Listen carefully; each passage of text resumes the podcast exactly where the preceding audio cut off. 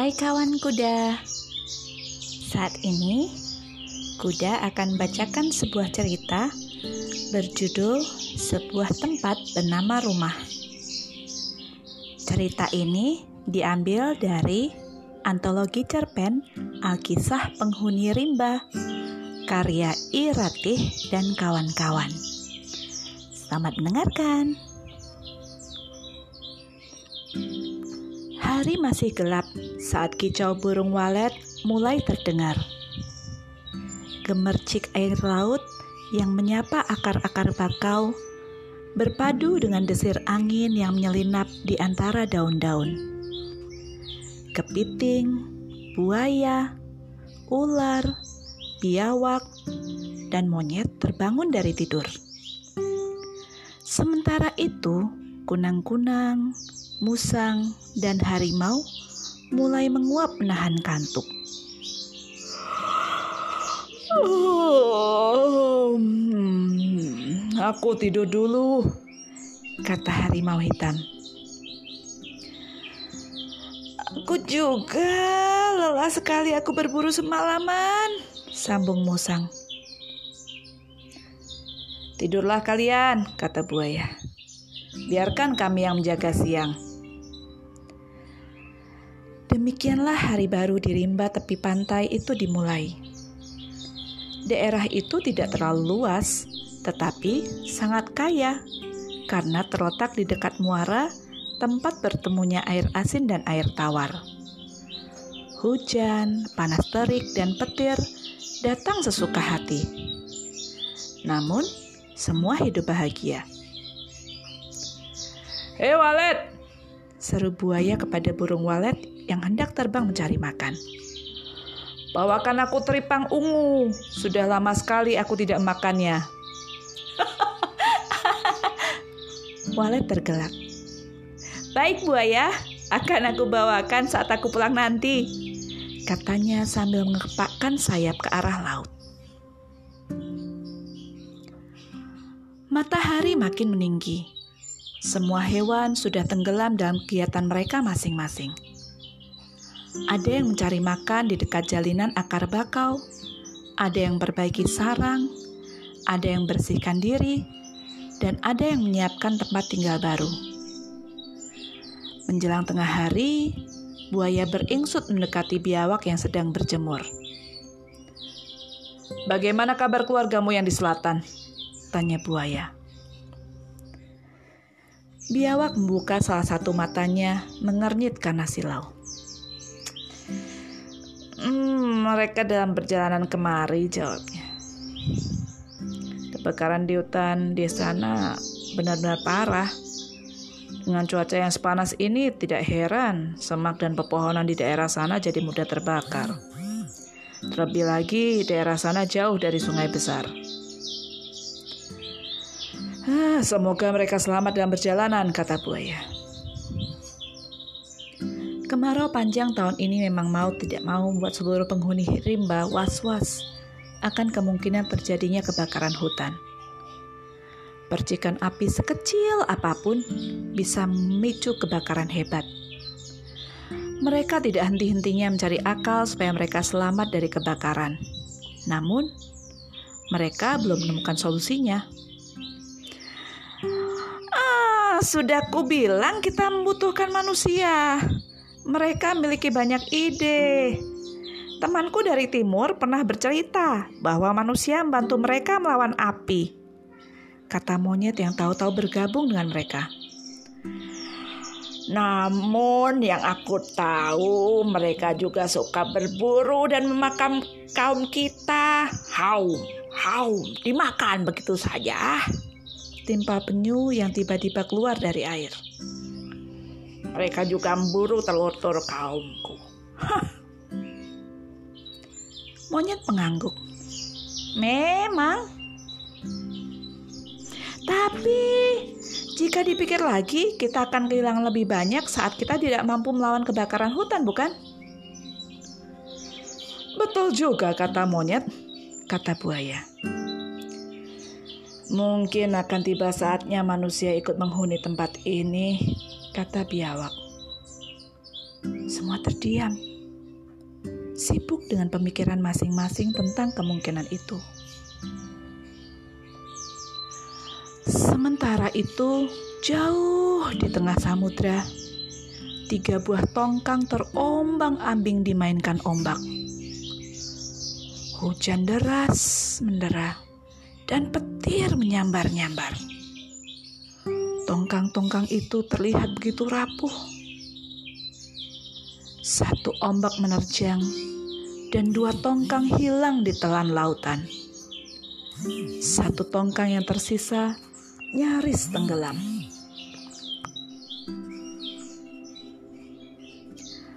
Lama-lama terdengar lantunan doa dari tongkang itu. Doa kepada langit dan laut, memohon keselamatan dan kesempatan hidup. Terselip janji, apabila mereka hidup, mereka akan hidup bahu-bahu dengan alam. Tidak merusaknya, tapi menjaganya. Doa yang tak putus itu membentuk pusaran sinar redup sebagai persembahan bagi langit dan laut. Waktu seolah terhenti. Hujan mereda, begitupun dengan petir.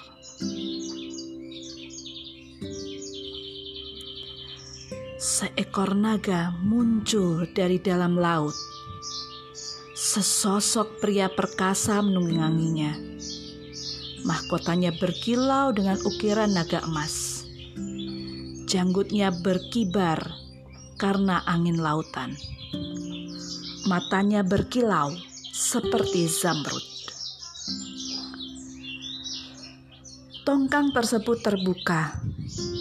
Seorang wanita berbalut kain kuning maju perlahan.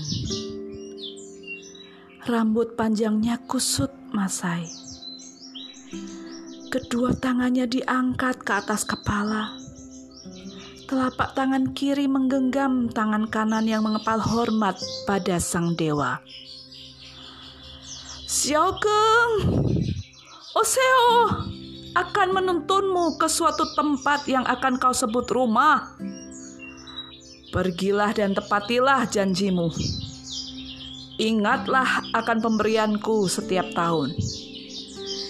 Itulah perjanjian kita. Sang dewa berkata dengan suara yang seperti desau ombak. Sang wanita tersungkur penuh syukur. Dia meneriakkan pujian pada sang dewa. Dalam sekejap, sang dewa dan naganya lenyap dari pandangan. Malam itu adalah malam perayaan puncak musim panas. Semua penghuni hutan berkumpul. Mereka menanti pemimpin mereka, harimau hitam. Malam semakin larut. Lingkaran hewan yang berkumpul semakin padat. Pada suatu waktu, mereka mulai bergumam dengan suara masing-masing. Suara mereka berdengung semakin keras. Puncaknya, harimau hitam mengaum dan semua terdiam.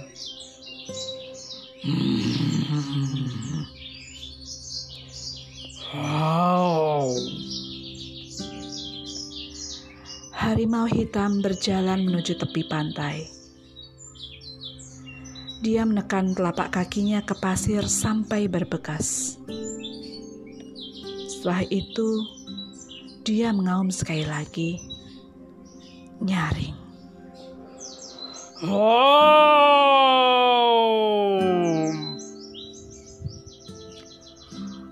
Air mulai bergolak dengan satu kilasan. Naga dan sang dewa muncul di hadapan para penghuni rimba.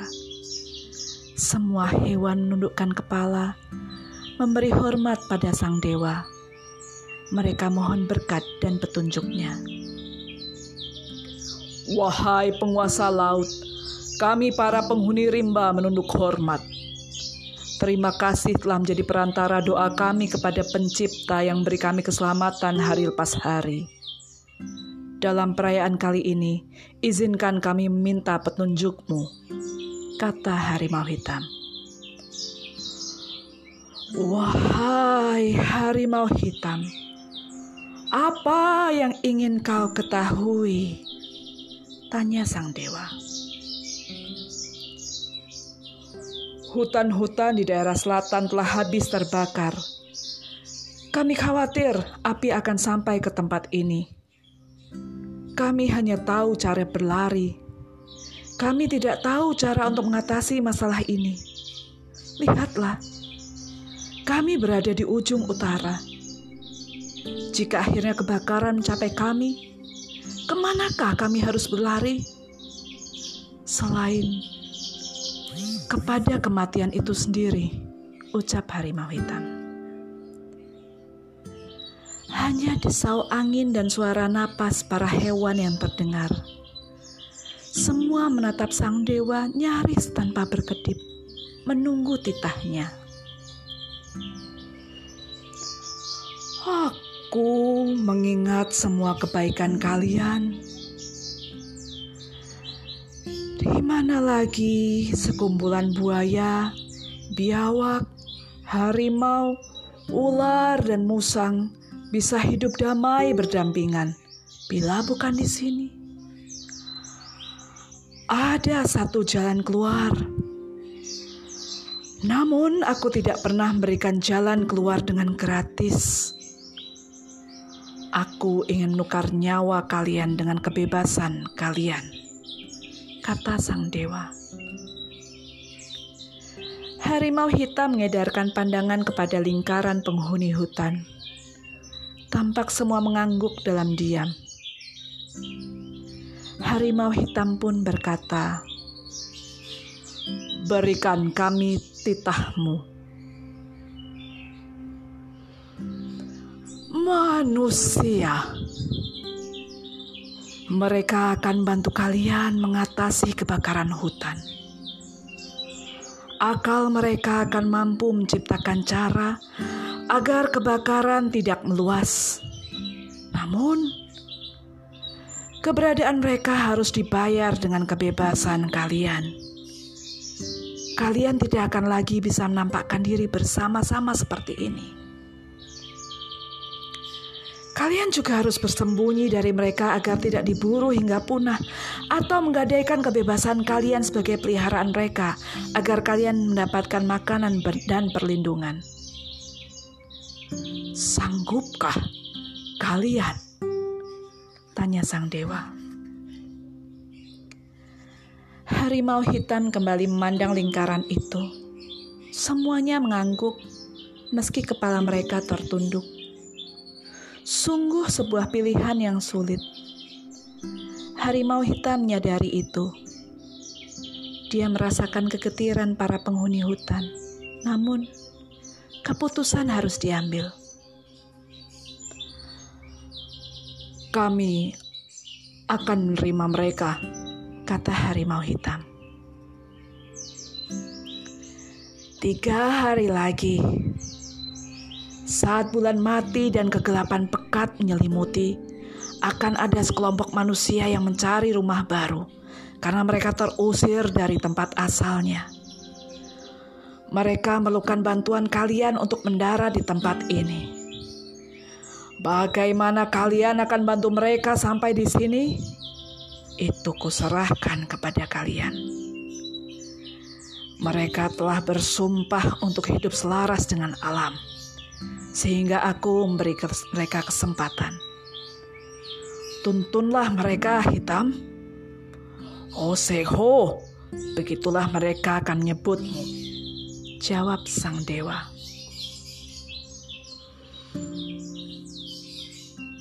Kau belum menemukan cara untuk menuntun manusia-manusia itu ke darat, harimau? Tanya biawak kepada harimau yang berjalan bersama musang pada pagi ketiga. Harimau menggeleng. Tampak jelas bahwa dia kurang tidur, kurang beristirahat, sibuk memikirkan cara membawa manusia yang dijanjikan sang dewa ke daratan pada malam yang gelap gulita. Andai saja kita miliki api yang bisa menjadi tanda bahwa ada daratan di sini. Api tidak mungkin ada di laut, bukan? Api hanya ada di darat, kata Musang. Benar, cahaya api pasti bisa menuntun mereka kemari. Timpal biawak. Harimau hitam mendadak berhenti berjalan. Cahaya! Serunya. Seraya melesat ke arah bakau dan tumbuhan api-api yang tumbuh subur di tepi air. Musang dan biawak segera ikut berlari menyusulnya. Kunang-kunang! Kunang-kunang, jangan tidur dulu!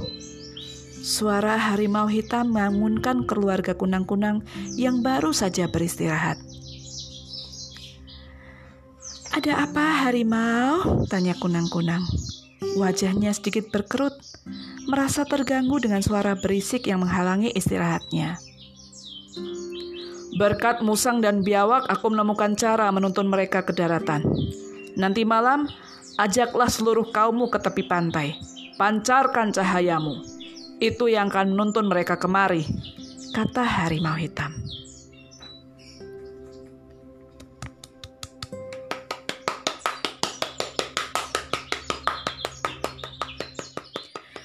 Terdengar tepuk tangan yang meriah. Ternyata semua penghuni hutan telah berada di sana. Mereka penasaran saat melihat harimau hitam berlari begitu cepat, lalu mengikutinya. Mereka bertepuk tangan karena sebuah jalan keluar telah ditemukan. Malam mulai larut, si isi tongkang mulai lelah. Telah tiga hari berlalu semenjak mereka bertemu dengan sang dewa. Namun, mereka belum menemukan tempat berlabuh. Sang wanita pendoa berjalan ke ujung depan. Dihirupnya angin laut.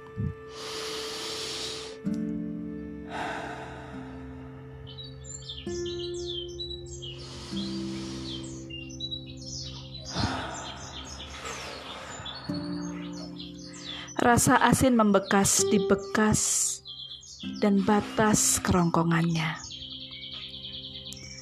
Saat membuka mata, dilihatnya kerlip cahaya di kejauhan. Dia berteriak membangunkan seisi tongkang. Semua bergegas menuju geladak. Semua melihat cahaya yang berkelip seolah menuntun mereka ke daratan.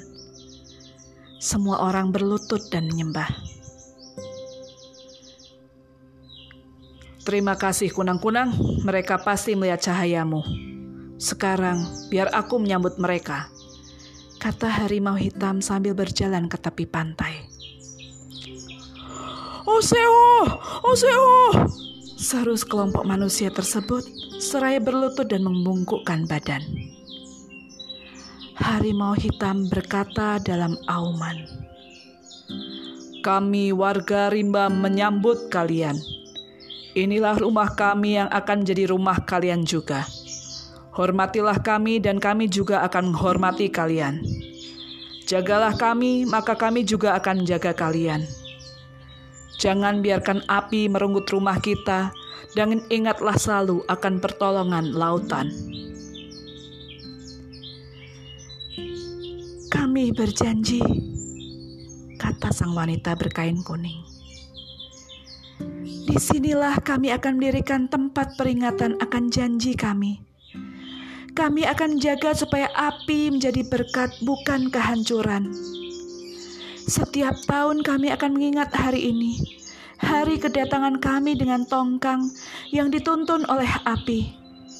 Kami akan mengingatmu, wahai pembuka jalan kami.